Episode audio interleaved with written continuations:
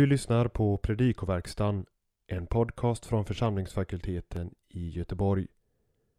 Daniel Johansson går igenom kommande helgdags evangelietext till fördjupning för dig som förbereder dig för att predika på helgdagen eller för dig som är intresserad av att veta mer om evangelietextens innehåll.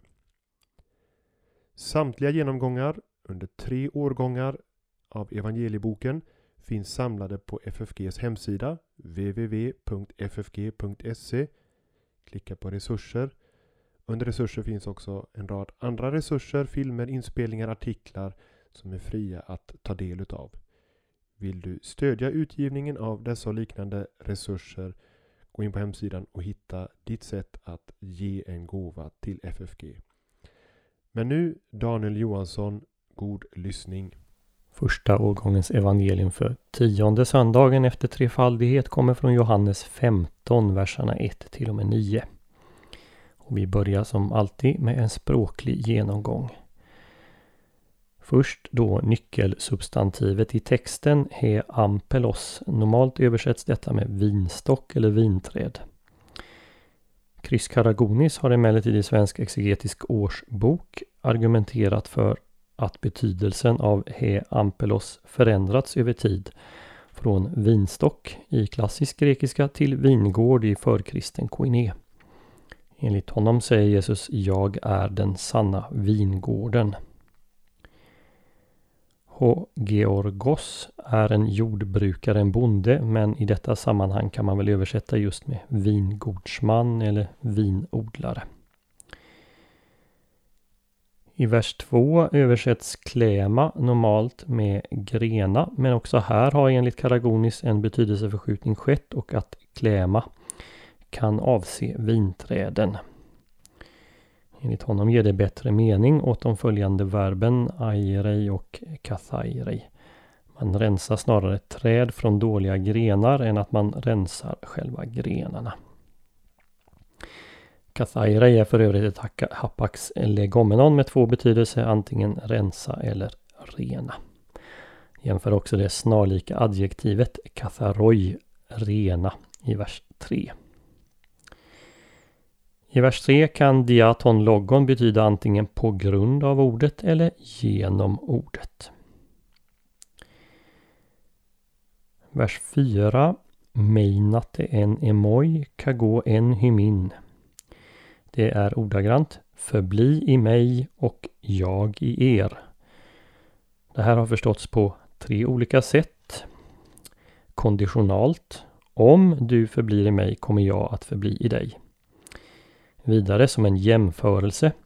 Förbli i mig så som jag förblir i dig. Och för det tredje som en ömsesidig imperativ. Låt oss båda förbli i varandra. Den kända satsen utan mig kan ni ingenting göra i vers 5 inleds med ett kausalt hotti. Hotti chorisemo o dynaste poiein oden. Det framgår inte av Bibel 2000 och Folkbibeln 2015 men väl av Folkbibeln 98. Ty eller för utan mig kan ni ingenting göra. Vers 6. Ean med tis menne en emoi ebläthe exo uttrycker ett villkor, eh, vilket inte framgår i Bibel 2000. Bibel 2000 gör om det här till en jämförelse, blir som. Här handlar det om tredje klassens konditionalsats eller om man använder Blomqvists terminologi, futurfallet eller det iterativa fallet.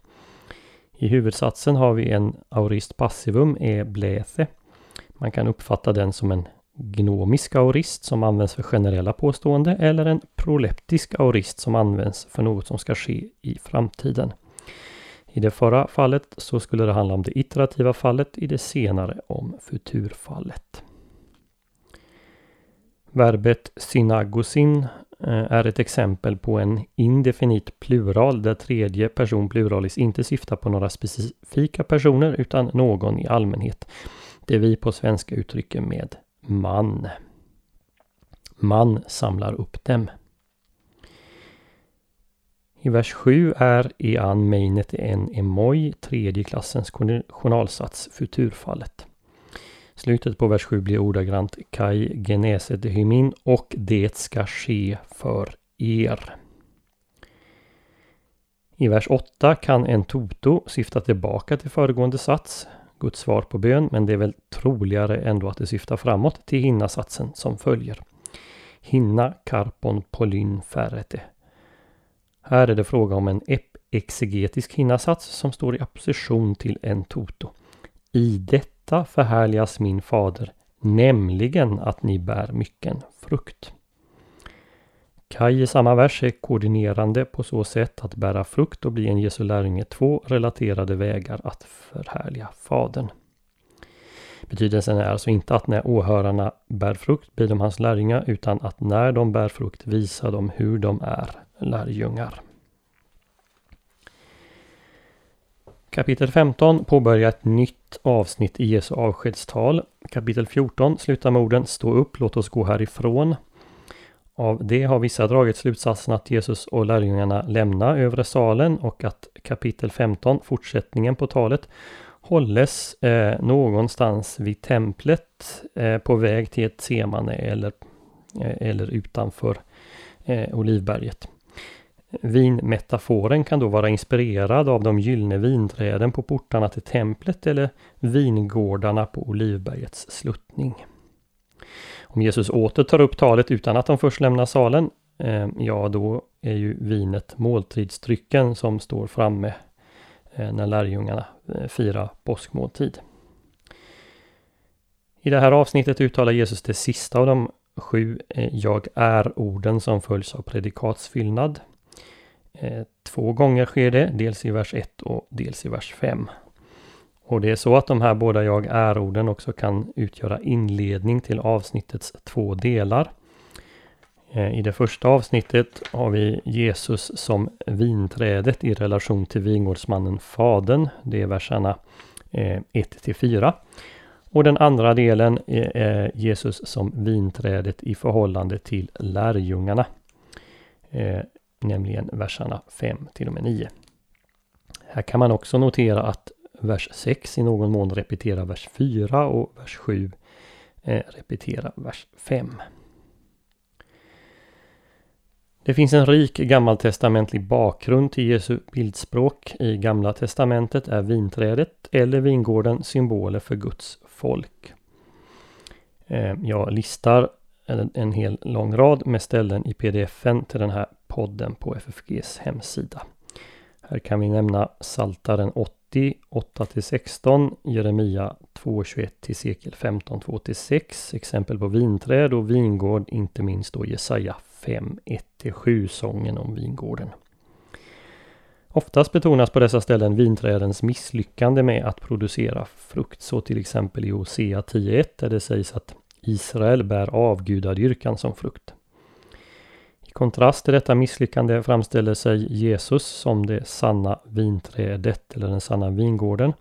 Kanske med en anspelan på Hosea 14.8 där Gud lovar att vara källan till Israels frukt.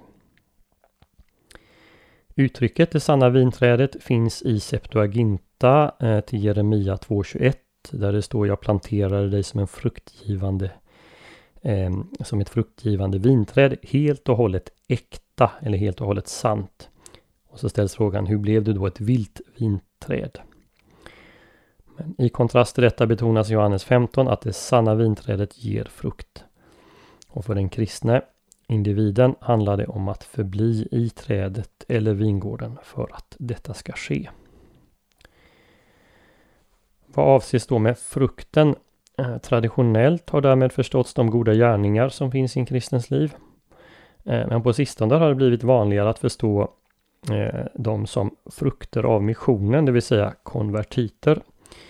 Här hänvisar man till Johannes eh, 4.36 respektive 12.24 där frukt verkar avse sådana som kommer till tro. Det hade kunnat vara ett avgörande och viktigt argument om det inte varit för att Johannes är ganska förtjust i att ge ett och samma begrepp olika innehåll.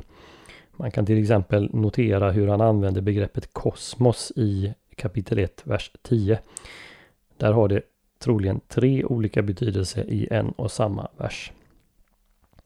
Den traditionella tolkningen att det handlar om, om de goda gärningar, kärleken i en kristens liv, understöds dels av kontexten eh, 15, 10 och 12 och inte minst av den gammaltestamentliga bakgrunden där frukterna alltid är kärleken till Gud och nästan.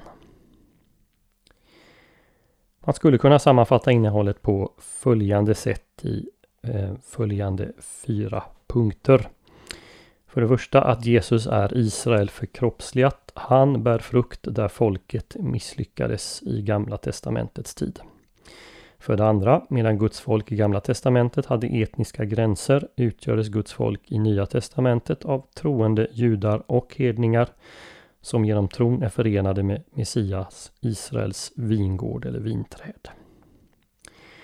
För det tredje så kan vi konstatera att fokus här ligger på föreningen med Kristus.